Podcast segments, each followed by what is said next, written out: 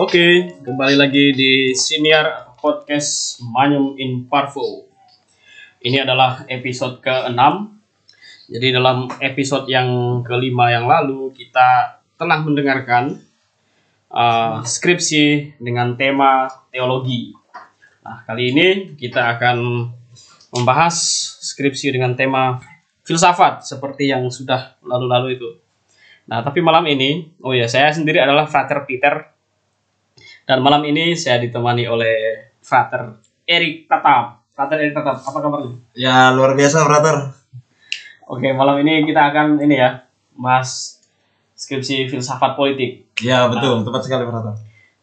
Nah, menarik bahwa malam ini kita akan kalau yang lalu-lalu itu kita membahas tokoh-tokoh filsafat ibas itu ya tokohnya dari luar kan. Nah betul. Dari Eropa, dari Amerika. Amerika betul. Malam ini kita membahas anunya itu tokohnya dari Indonesia. Indonesia betul. Seorang politikus Indonesia. Indonesia. Nanti untuk lebih jelasnya kita akan mendengar langsung dari penulis skripsi ini. Penulis skripsinya adalah Frater Emmanuel D. Frater Eman, apa kabar? Kabar baik, luar biasa. Baik. Mantap sekali. Ya ada ada spasinya dikit gitu. ya. Iya, ada spasi. Ya Frater Eman. Jadi informasi bahwa Frater Eman ini adalah eh, Calon pastor. calon pastor dari eh, diosesan adalah seorang diosesan dari Palangkaraya. Palangkaraya. Betul sekali, betul Palangkaraya. Oke, Frater Eman. Ini judulnya ini kan skripsinya ini konsep kekuasaan dan negara menurut Arif Budiman. Nah, kok bahas ini gitu? Kenapa ini? Ada apa dengan kekuasaan dan negara ini? Pertama sebenarnya ini bentuk dari ketertarikan saya terhadap terhadap politik di Indonesia yang Wih. sedang terjadi saat ini. Wih. Sebentar, jadi Frater Eman ini suka politik. Suka politik. Bisa dibilang ya? Wis, Wih. luar biasa. Luar biasa ya. Semoga bukan politik praktis ya. Betul. Agak-agak bahaya juga ya. Ya, Nggak boleh kan. Betul. Oke, Frater Eman ini Wah, tokohnya ini kan kalau yang lain tuh kan ambilnya dari luar ya, tokoh-tokoh besar. Kok ini Arif Budiman ini kenapa gitu? Atau ada yang mengusulkan siapa gitu misalnya atau apa sebabnya gitu? Pertama-tama ini sebenarnya skripsi saya itu bukan tentang Arif Budiman tokohnya. Iya. Mungkin Frater Peter sendiri sendiri tahu bahwa saya sendiri berkonsultasi dengan Frater Peter sendiri tentang skripsi ini. Pada awalnya sebenarnya tentang Habermas. Habermas ya. Habermas. Wih. Eh, Erik juga tahu. Seorang Jadi apa? semua ini kita tahu berarti. tokoh. Bisa dibilang kalian berdua tahu, karena saya diskusi sama kalian berdua, Iya. sama Frater Mayo juga. Oh iya iya benar. Sebagai informasi gitu ya. Lalu kontribusinya skripsinya apa ya? Kalau kontribusi dari Frater Mayo, dia nih yang mengusulkan tentang Arif Wih. Budiman ini, karena dia yang sebenarnya dia yang lebih paham tentang Arif Arif Budiman ini Oh, Iya, iya. dibandingkan saya. Frater Mayo yang luar biasa sekali ya. Iya. Jadi dengan apa adanya Frater Mayo ini Frater Eman ini terbantu ya dengan apa untuk menulis Betul. Ya. Semacam diarahkan gitu Ya, ya. diarahkan. Jadi dengan hasil diskusi-diskusi dengan teman-teman seangkatan gitu ya. Jadi di sana tuh memunculkan ide-ide yang cemerlang. gitu. Ya, setuju, setuju. Dan menariknya tuh tokoh filsuf atau politikus yang diangkat seorang Arif Budiman tuh tokoh yang tidak asing lagi ya bagi Iya. orang Indonesia gitu. Nggak asing. Harusnya nggak asing lagi. Ya, Ya. harusnya nggak asing lagi. Oke, Frater Erik bisa memulai dengan barangkali ada keresahan atau ke apa ini apa yang perlu dipertanyakan. Nah, jadi sebenarnya eh, dengan toko kontekstual yang diambil dari Indonesia, eh, saya melihat ada hal-hal yang menarik gitu. Pertama-tama ya mungkin Frater Eman bisa eh, memberikan latar belakang lah eh, bagaimana yang Frater Eman katakan tadi ber- berangkat dari keresahan lalu juga bagaimana ingin menulis eh, filsafat politik lalu juga mengambil tokoh dari tokoh Indonesia itu sendiri. Kalau dari latar belakangnya itu, pertama-tama saya melihat itu terjadinya ketidakadilan dalam masyarakat. Oh begitu Yaitu ya. Ket- ketidakadilan terutama yang dilakukan oleh para pemimpin atau para ya para penguasa lah bisa dibilang seperti itu Elit gitu ya. ya elit politik politik gitu. orang-orang elit politik Oh. bagaimana cara mereka dalam dalam apa? Uh, menjalankan tugas itu. Iya, dalam menjalankan tugas, Tugas, ya, ya. dalam menjalankan tugas mereka Ah, sebagai seorang pemimpin. pemimpin betul. Bagaimana mereka apa harus memberikan keadilan dulu, Ah, keadilan betul, kepada betul. masyarakat itu. Ah, Yang ingin saya kritisi lewat tulisan saya ini, lewat skripsi saya ini, ah. yaitu untuk pertama-tama untuk mengkritisi cara para pemimpin di Indonesia saat ini, Oh. mungkin bagaimana cara mereka Memimpin itu ya, tadi ya. dalam memimpin itu, Ah, dalam memberikan ini, dalam memberikan keadilan untuk masyarakat. betul, betul. Jadi inti skripsi ini mengkritik ya. Ya, inti ya, Jadi ini kesadaran politis sebagai warga negara yang baik memberikan kritik terhadap pemimpin kita yang ada yang tidak baik itu ya. ah ya benar. Ada yang tidak adil tuh. Tidak adil ya. Oh, Iya, lebih pada keadilan. keadilan Iya. ya benar ya. Jadi memang juga memang masyarakat tuh ya sebagai hal yang utama bagi kehidupan bernegara bermasyarakat gitu ya. Jadi memang masyarakat yang harus dilihat dengan konteks kehidupan yang secara sejahtera gitu ya. Ah ya benar, saya setuju dengan Frater Erik ini. Karena apa?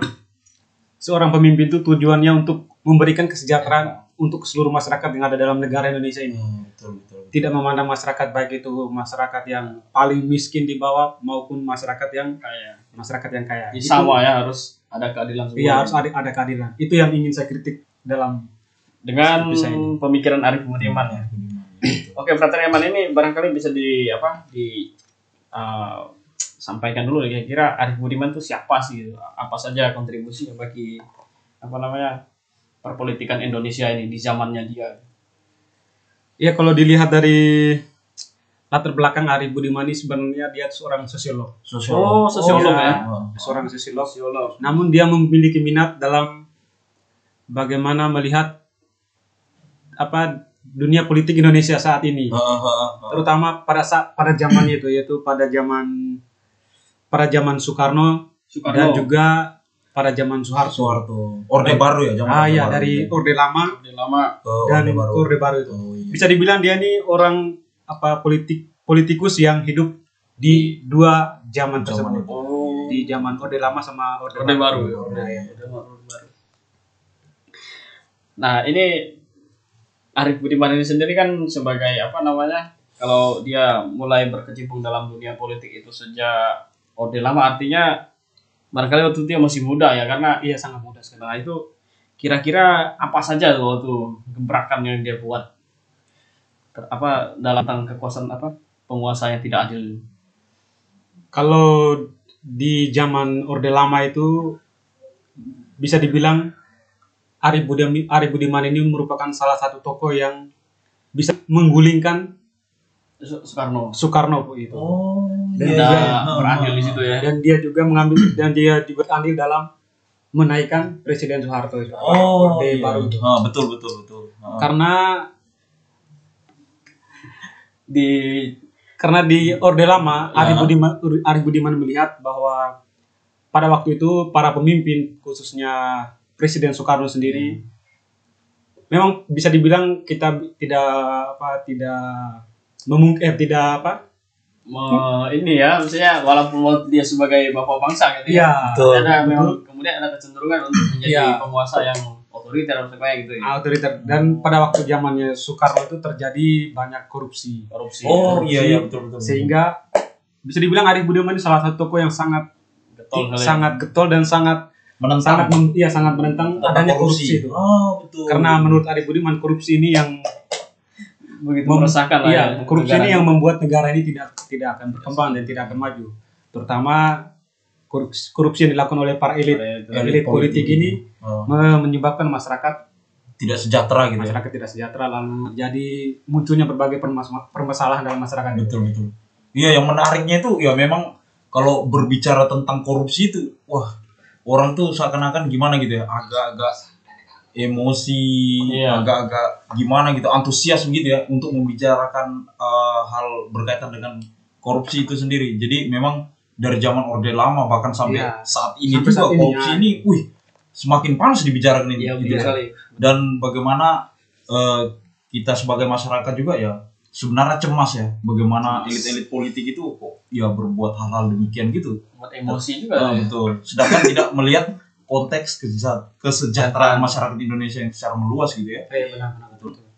Eh, apa berangkat dari keresahan Frater Eman yang ingin menulis ya salah satu juga korupsi ini ya, Iya, lalu melihat korupsi itu. konteks kehidupan masyarakat, lalu ya memang untuk informasi juga bahwa ya kami menggeluti hal-hal fenomena yang terjadi dalam konteks Indonesia itu bagaimana kami ingin membangun ide-ide yang bagus gitu ya kurang lebih ya Iya, Peter ya betul. Seperti yang Frater Peter tulis sama Frater Maya itu ya berbicara tentang politik ya sebenarnya konteksnya untuk ya pembelajaran bagi kita semua, kita ya. semua gitu ya. Iya, berasal dari keresahan kita Ah, sebagai betul. masyarakat kecil tuh. Ah, betul.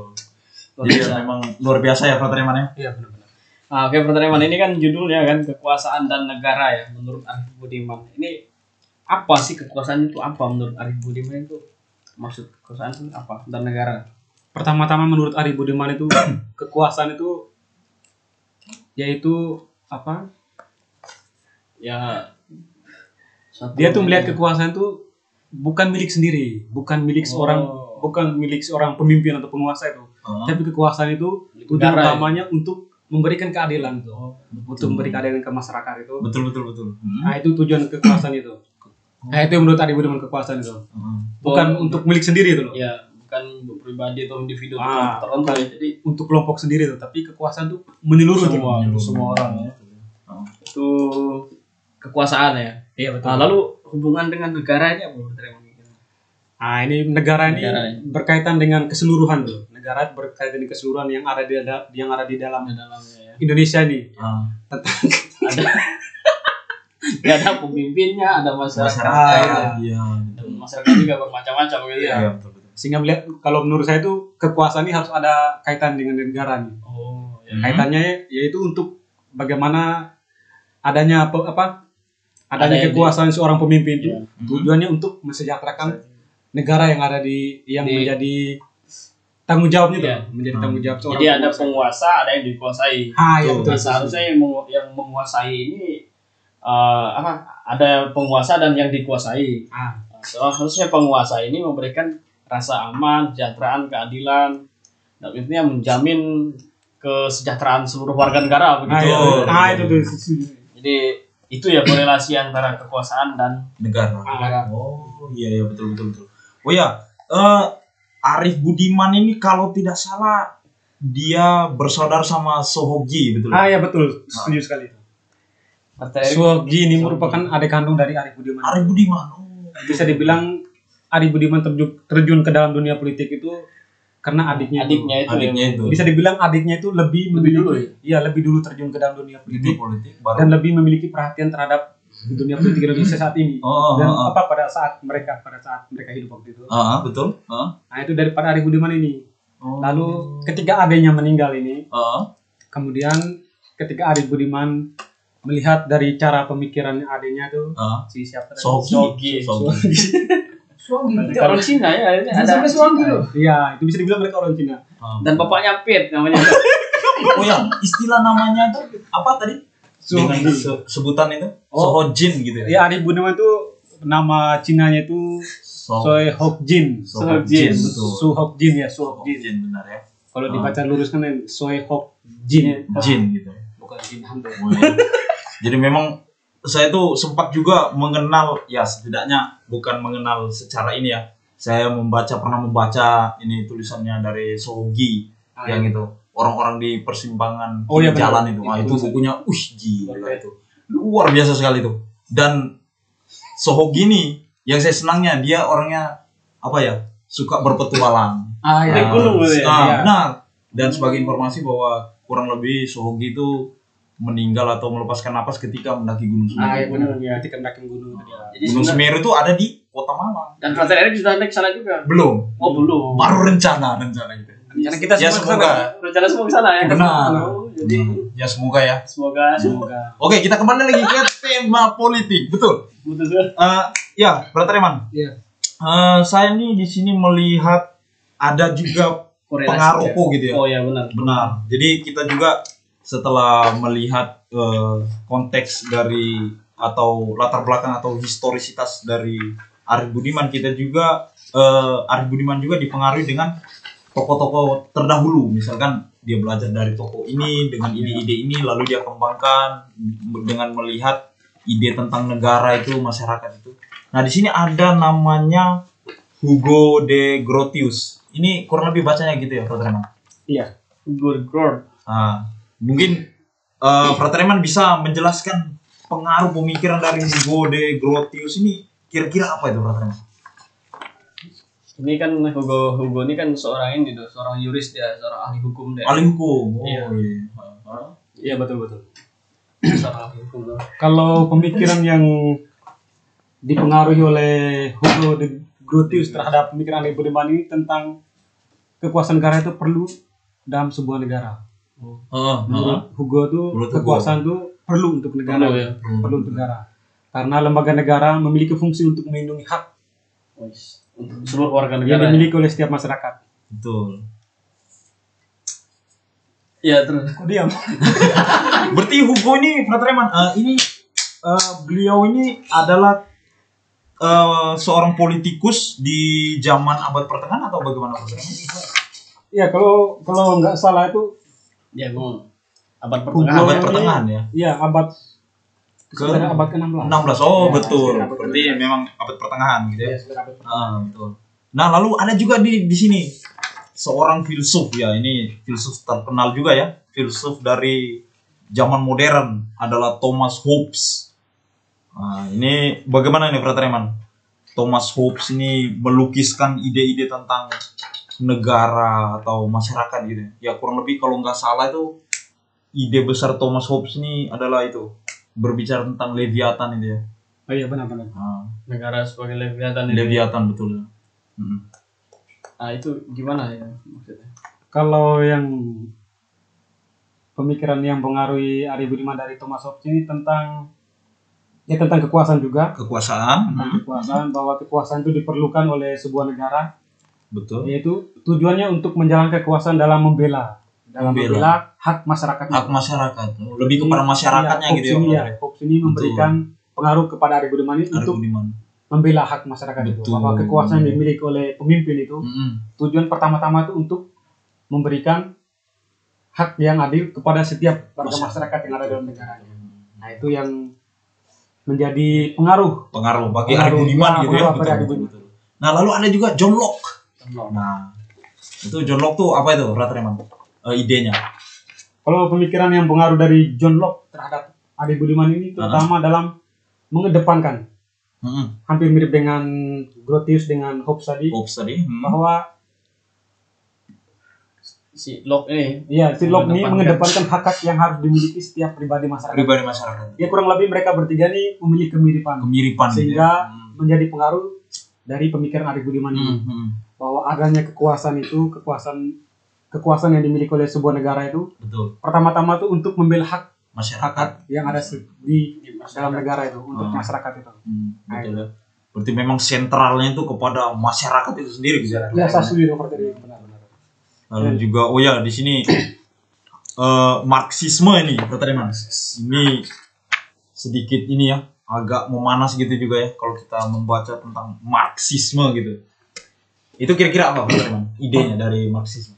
Pertama-tama saya sendiri agak ragu sebenarnya masukkan Marxisme ke dalam Tulisan ini gitu. tulisan ini Ah, karena kita mungkin Frater Eri, Frater Peter juga tahu bahwa Marxisme ini agak bisa dibilang Ya. agak ditolak dalam Ya. negara Indonesia ini karena oh, gitu ya iya karena berbagai macam pengaruh komunis. ya pengaruh komunis dan juga oh, cara iya benar ya. Betul. cara pemikiran dan juga apa yang mereka apa nih bangun gitu ya. bangun itu Ah. agak bertolak belakang dengan Ideologi kita. Marxis Oh, dengan tolak belakang ya. dengan ideologi Indonesia. Indonesia benar. bisa dibilang seperti itu. namun ya mereka memilih pengaruh dalam apa Betul ya. Walaupun di sana Budiman itu, ah, walaupun di sana ada hal-hal yang sedikit berkonotasi ap- agak apa namanya? agak negatif tapi ada juga hal-hal yang positif gitu ya Ah, iya, untuk betul, betul. khususnya ide-ide gitu, ide-ide yang cemerlang gitu. ya terutama dalam kalau ide dari kaum Marxisme ini terutama dalam mendudukan masyarakat itu khususnya kaum buruh itu Oh, ah, betul. Kaum buruh ya. kaum buruh itu memberikan keadilan untuk Betul. semua masyarakat yang ada di dalam Ah. Jadi adanya penguasa, adanya budak gitu ya, kurang lebih gitu ya. Kalau dalam pemikiran Marx gitu ya, Ah, iya. adanya budak lalu apa tadi? Ah, buruh. Buruh betul. Jadi di Buruh sana tuh buruh sama ya? apa? Oh iya ya benar ya. Ya, ada penguasa. Penguasa, Penguasa dan budak. budak. Buruh. ya. Jadi di sana bahwa dalam melihat apa fenomena tentang penguasa dan budak itu bahwa kita lihat bahwa di sana itu tindas ada yang ditindas gitu. ya dan Nah, ya itu lalu idenya Marxisme itu ingin menyetarakan gitu Ah, iya antara benar. penguasa dan budak itu disetarakan bahwa tidak ada budak, tidak ada penguasa, tetapi Ah. sama-sama masyarakat, Iya, warga masyarakat sama. gitu. Iya. Makanya harus di harus diperjuangkan hak-hak dari setiap Betul, masyarakat, betul, terutama betul. kaum buruh itu. Betul, betul. jadi Arif Budiman mengambil eh, apa ada empat tadi ya empat tokoh yang apa atau ideologi yang pengaruh Arif Budiman sehingga dia kemudian memiliki interest yang kuat terhadap ini ya kehidupan negara kita sendiri yang kaitannya dengan kekuasaan.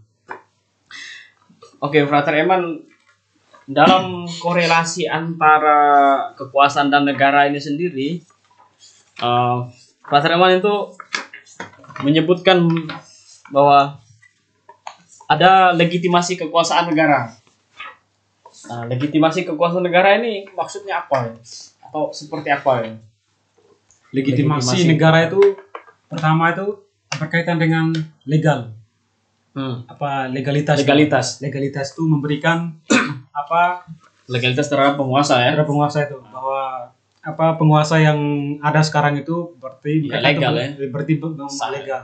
Namun yang perlu kita ketahui bahwa banyak penguasa saat ini Ah, untuk mendapatkan legalitas itu ya.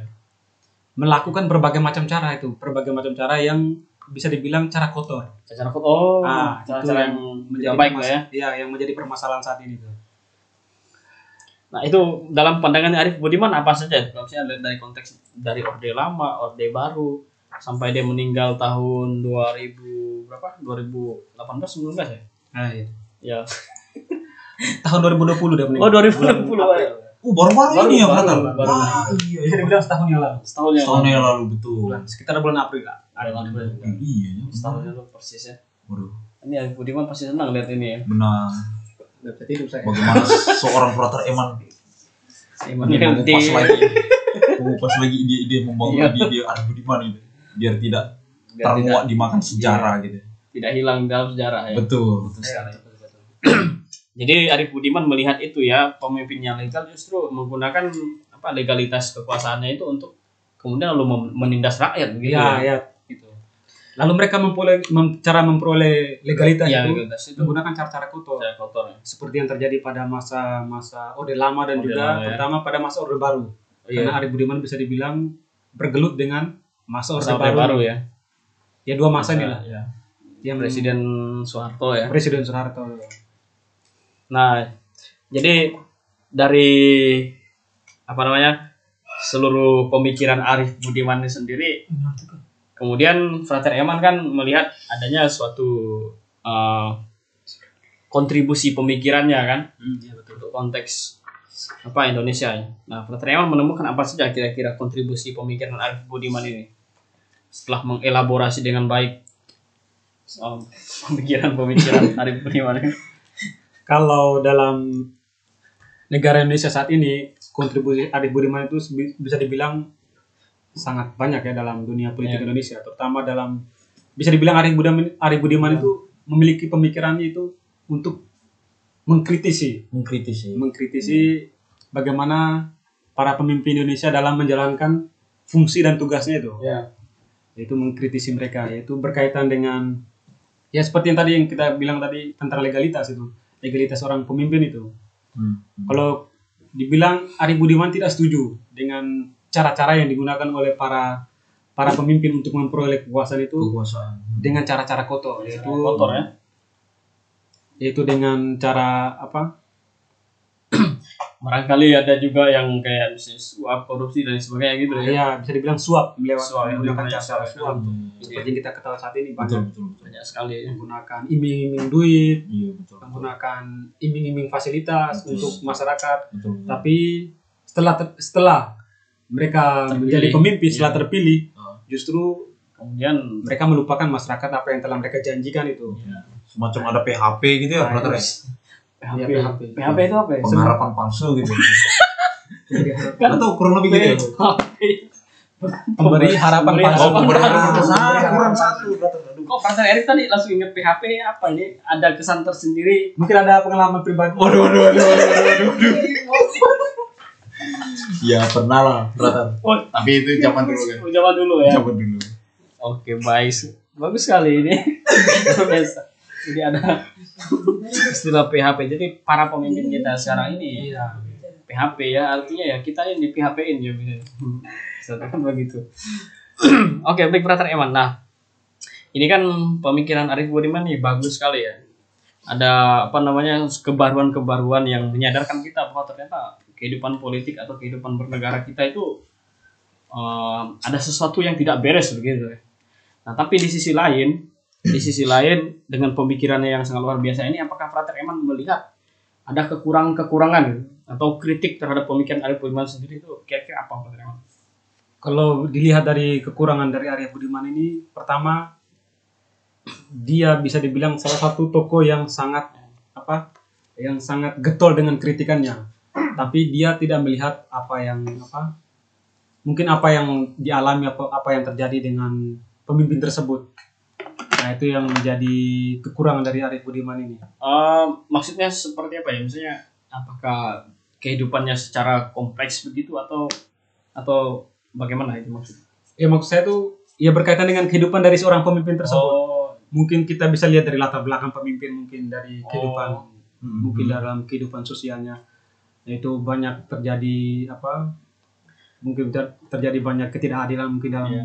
Kehidupan atau apa, bisa jadi memang sosialnya. latar belakangnya dia itu mempengaruhi ketika jadi pemimpin pun dia menerapkan seperti itu nah, gitu iya. ya sehingga apa yang terjadi itu dalam lingkungan hidupnya itu dia terapkan dalam dalam ketika dia menjadi ya. pemimpin itu nah itu yang Jadi Arif Budiman menurut Pak Raiman ini belum melihat hal-hal itu ya. iya menurut saya itu dia belum melihat secara keseluruhan dulu dari apa dari konteks Konteksnya kehidupan dari seorang pemimpin tersebut Hmm. nah itu mungkin masih banyak lagi yang masih lain banyak lagi. Ini mungkin belum saya ketahui mungkin Peter Peter dan Erik bantu saya revisi Waduh, siap, siap.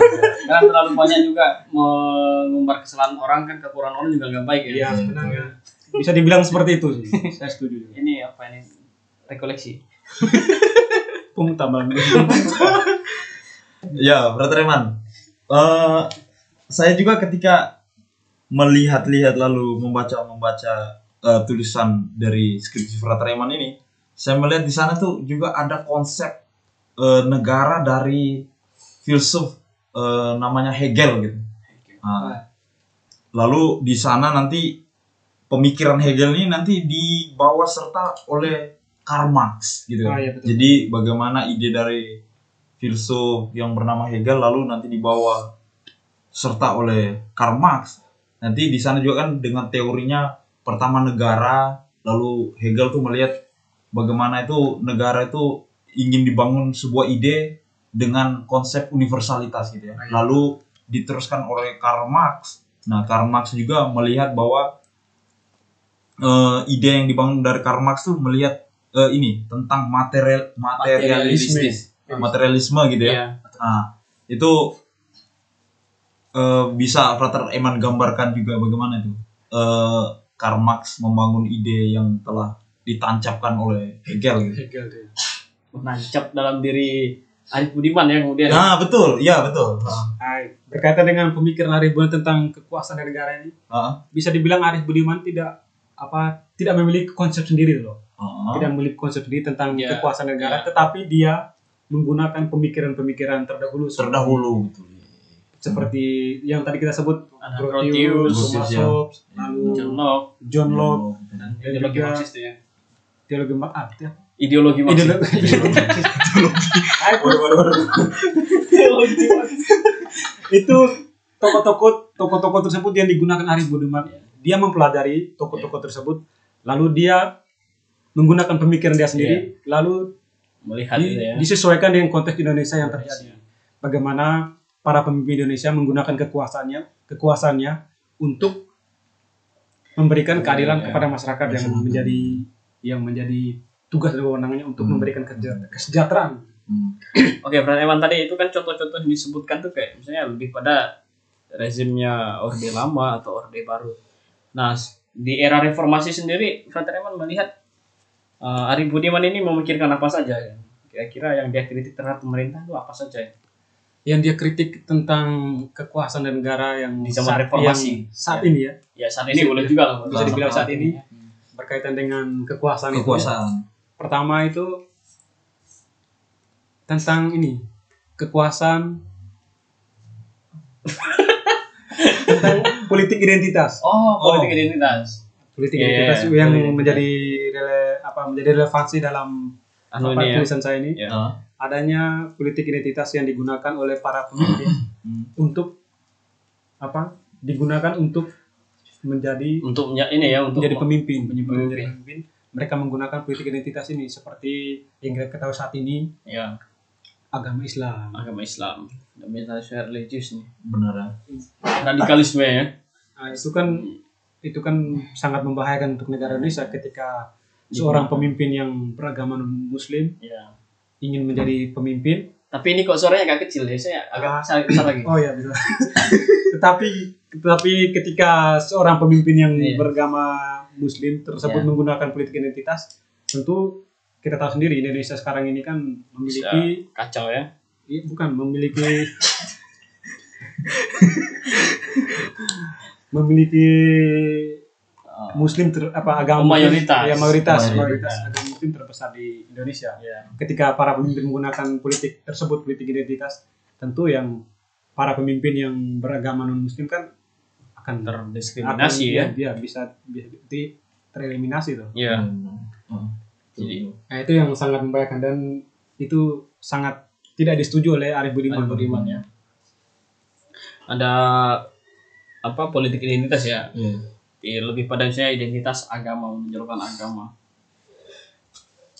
Ya, menarik ya, Protereman eh, bahwa eh, apa dalam diskusi tentang politik identitas Iya. nih memang ya Sangat panjang di apa ya se- semakin ditonjolkan ya sekarang ya. Iya. Dalam arti eh, politik itu digunakan dan berbaju atau menggunakan baju Agama. agama gitu ya.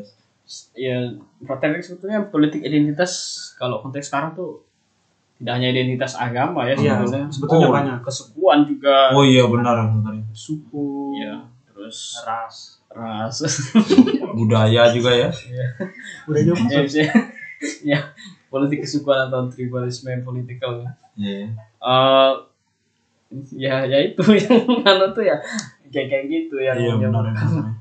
Indonesia sekarang itu apa namanya dalam tantangan yang hebat itu ya. ya walaupun seharusnya memang penguasa atau uh, pemimpin itu ya tidak seharusnya menonjolkan hal-hal yang demikian ya. Iya, Pak Tre. bahwa ya harus sama rata gitu.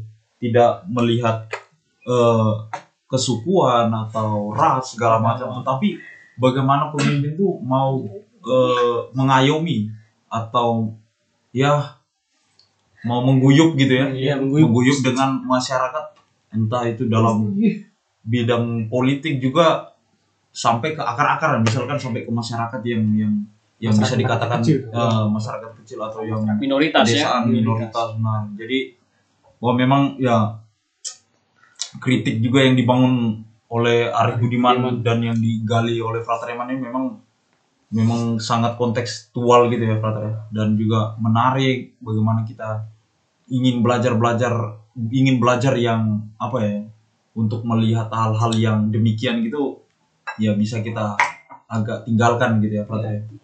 Bagaimana kita juga membangun komunitas yang apa ya Sehat ya. ah betul Masyarakat- masyarakat yang sehat Masyarakat yang yang sehat. masyarakat yang adil yang sejahtera itu kan menjadi keinginan kita bersama kan Iya, Betul betul. sekali. Nah, keinginan Frater. Iya, betul Eh, kalau untuk Frater Eman sendiri, keinginannya dalam menulis kurang lebih berapa halaman ini? 78 halaman itu kira-kira Frater Eman keinginan Frater Eman dalam belajar dari Arif Budiman pemikiran Arif Budiman itu apa yang Frater Eman ingin tonjolkan di sana?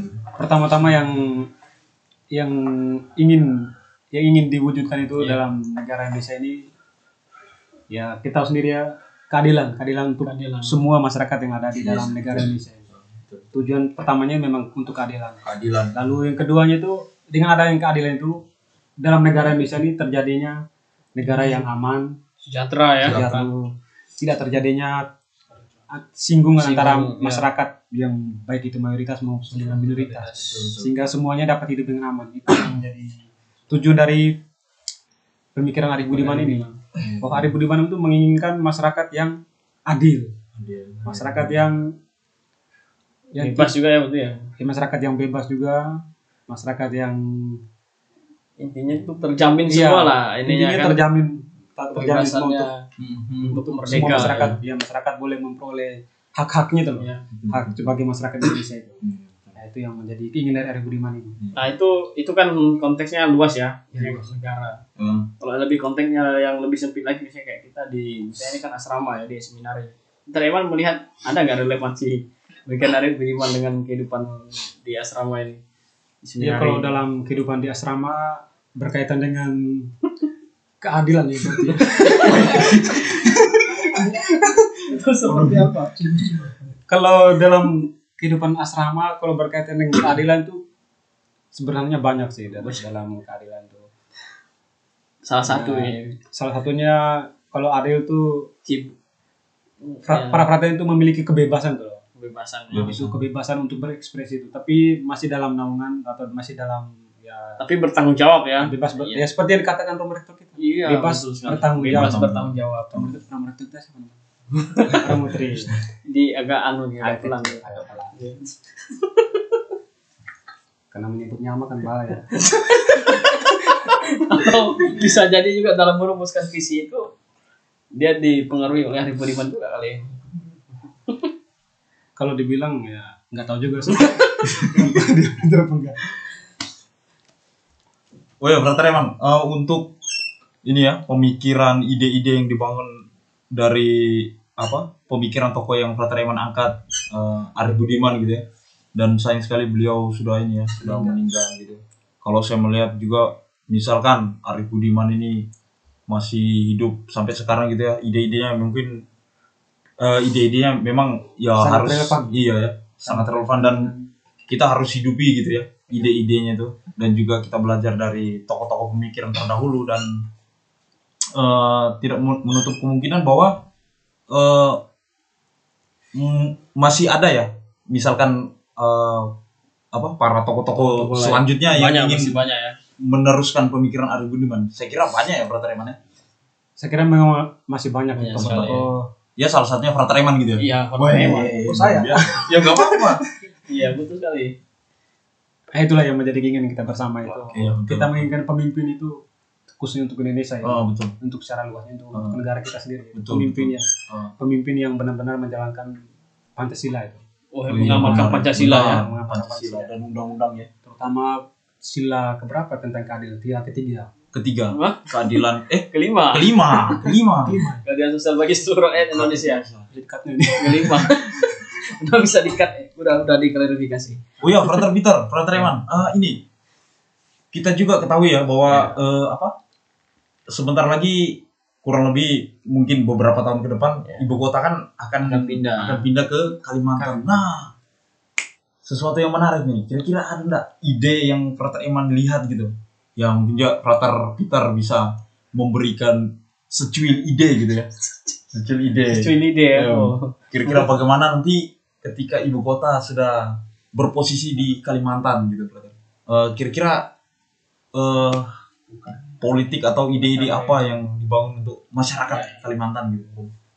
Pertama-tama yang kita inginkan untuk apa di ibu kota kita yang baru itu Oh. kita menginginkan pemimpin itu apa pemimpin yang berkeadilan tuh loh. pemimpin Betul, yang betul. Nah, itu pemimpin yang mampu mengayomi seluruh masyarakat Masyarakat, no. baik itu masyarakat kecil masyarakat Betul.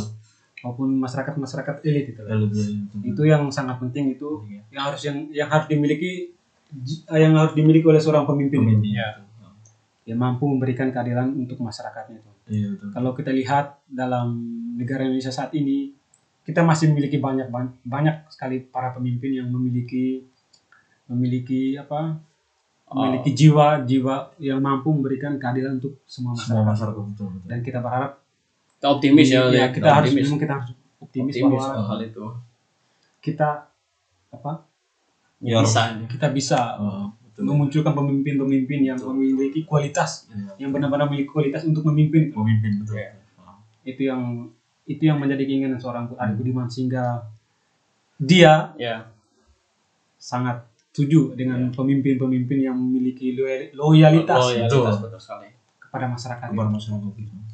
Ya Frater Eman ini juga saya tadi kita kelewatan ini. Ada korupsi, korupsi. Soal korupsi ini kan ini Arif Budiman melihat seperti apa atau Frater Eman sendiri melihat seperti apa? Nah ini korupsi ini memang bisa dibilang Ari Budiman sangat membenci korupsi itu. Dari awal bahkan ya. Bahkan dari awal bahkan sejak dia masih kuliah, Ya. sejak, sejak dia masih menjadi seorang mahasiswa, Heeh, heeh. bahkan dia sudah terlibat dalam beberapa aksi demonstrasi itu Demonstrasi. Memberantas korupsi. yang bisa dibilang tahun 66 itu. Ya ya. Hmm. Zaman Orde lama ya. Nah, itu. Bisa dibilang mereka itu berusaha untuk bagaimana menginginkan pemimpin itu yang bersih itu loh. Bersih. Pemimpin Iya. yang mampu menjalankan tugas sebagai seorang pemimpin untuk apa untuk memberikan kesejahteraan kepada seluruh masyarakat itu. Masyarakat. Pemimpin yang mampu memberikan teladan gitu, terakat bahwa bahwa sebagai seorang pemimpin ini yang harus kita lakukan Ini. itu. Apa yang harus kita lakukan sebagai seorang pemimpin nah, itu itulah pokoknya. Oke, Frater Eman. Kok putar-putar ya? Ini luar biasa sekali ya. Intinya kalau saya melihat ya dari seluruh apa pembahasan ini ya Arif Budiman itu melihat wah kekuasaan negara itu seorang penguasa yang apa namanya pemerintah itu harus menciptakan keadilan itu ya keadilan kesejahteraan. Intinya itu kan. Nah sebelum kita mengakhiri siniar ini Frater Eman kira-kira mau menyampaikan apa? Apakah ada kata-kata terakhir atau pesan dan kesan atau apa kira-kira bisa disampaikan sekarang sebelum Sebelum ujian. sebelum ujian Sebelum ujian. Iya, pertama kesan saya, kesan saya terhadap Ari Budiman ini. Ah. Bisa dibilang saya agak ragu sebenarnya mengangkat skripsi tentang Ya. Arif Budiman ini. Hmm. Pertama-tama karena bisa dilihat sumbernya tuh, sumber Sumbernya, dari, ya. dari pemikiran-pemikiran Arif Budiman ini. Ya. Bisa dibilang agak minim gitu loh. ya Hmm. Itu yang menjadi apa? Menjadi problem saya awal ketika mengambil mengerjakan skripsi ini ya skripsi ini tentang tokohnya Arif Budiman ini. ya Hmm. Namun ketika dalam perjalanan itu dalam ketika bimbingan dengan pembimbing skripsi Romo Cek sendiri Ya. itu saya menemukan bahwa ternyata banyak sumber-sumber itu terutama Ya. dari buku-buku dari hasil hasil dari pemikiran Arif Budiman sendiri ya dan banyak buku-buku yang ia bahas tentang negara ini. Lalu dari selain buku-buku dan juga dari sumber-sumber dari internet itu. Ada beberapa tulisan-tulisan atau artikel-artikel Hmm. yang hasil karya hasil dari pemikiran Arif Budiman ini lalu diterbitkan oleh mungkin oleh teman-teman mungkin oleh beberapa banyak gitu ya sumber-sumbernya kemudian banyak Iya, itu. sumber-sumbernya itu. Sehingga sangat membantu saya bahwa yang awalnya saya merasa ragu dengan sumbernya Iya. ini sumber-sumber dari pemikiran dari tulisan-tulisan ini ya, ternyata banyak itu yang apa yang awal yang menjadi keraguan saya ternyata apa yang saya ragukan itu salah. Sama ya. Ya, kemudian bahkan optimis ya. Ya percaya diri sekali. Awalnya memang optimis bahwa memang Ari Budiman ini banyak ya tulisan-tulisannya yang memiliki apa memiliki pengaruh untuk negara Indonesia, ini. Itu kesan pertama saya. Ya. lalu kesan kedua ini saya tertarik dengan Ari Budiman ini dari pertama dia mengangkat mengangkat tentang kekuasaan dari negara ini Ya. dari problem yang dia alami dalam dalam hidupnya. Jadi nyata sekali ya Iya, pengalaman yang iya, nyata yang dia sendiri apalagi bisa dibilang dia ini seorang Tionghoa kan? Ya ya. Oh, seorang Tionghoa itu kan minoritas ya. bisa dibilang orang minoritas. Ya. dia mengangkat tulisan tentang tentang apa kritiknya tentang para penguasa itu. Iya. memang pada zamannya waktu mungkin waktu dia kecil memang mereka bisa dibilang mengalami ketidakadilan. Hmm. Terutama mereka kan sering apa sering mengalami diskriminasi ya, ya, diskrim bisa dibilang diskriminasi dengan masyarakat yang yang mayoritas. masyarakat minoritas yang lainnya. Itu kesan saya. Jadi di tengah apa di tengah uh, statusnya sebagai warga minoritas tetapi Arif Budiman ternyata bisa berkembang bahkan dia menerbitkan karya-karya luar biasa untuk uh, untuk memperjuangkan keadilan, kesejahteraan, kebebasan bahkan ya. ya bisa bisa Jadi itu yang menginspirasi Frater Eman kemudian. nah itu bisa di- bisa dibilang kesan saya lah kesan, saya Kesan, terhadap ya. Ari Budiman dan bisa dibilang dia ini salah satu politik politikus Politis, ya, politis. politikus yang bisa dibilang berdiri sendiri dia tuh berdiri Berdikari. maksudnya maksud saya tuh berdiri sendiri berkaitan dengan pemikirannya itu. Ya. Hmm, Dia bahkan tidak apa tidak setuju dengan apa Oh, pengaruh dari ya dengan apa pemikiran apa teman-teman yang lain itu yang tentang apa negaranya. tentang negara itu. Oke, karena Pater Eman sudah Nah itu kesan-kesannya lah kesan-kesannya. kesan-kesannya jadi luar biasa ya. Iya, betul. Erik, sudah malam nih. ke Pater Erik bagaimana? Oke ya. Ya, Brother Eman, terima kasih untuk diskusinya yang luar biasa bersama dengan Brother Peter, ada juga Brother Mayo. Lagi baring. Ya, memang diskusinya diskusi tentang politik ini memang sungguh luar biasa ya. Panjang. Kemarin ditemani dengan narasumber dari Brother Peter sendiri yang sekarang menjadi host, lalu juga dari Brother Mayo yang mengangkat tentang politik dari seorang filsuf Italia, Homo Giorgio- eh, Iya. tentang Homo sacer itu ya. Homo sacer. lalu Frater Peter tentang politik eh, Demokrasi. demokrasi. yang cacat.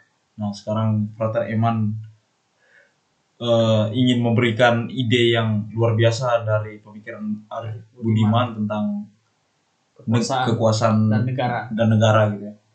Ya memang ya terima kasih Frater Eman untuk diskusi dan juga pembelajarannya yang luar biasa bagi kami dan juga bagi para pendengar Pendengar yang setia. Mendengar. Ya, betul sekali. Oke, para pendengar senior Menyemin Parvo, sekian um, diskusi atau sharing kita soal pemikiran Arif Budiman yang telah dielaborasi dengan baik oleh Frater Emmanuel D. Dan sampai jumpa di episode Selanjutnya. selanjutnya, episode ketujuh.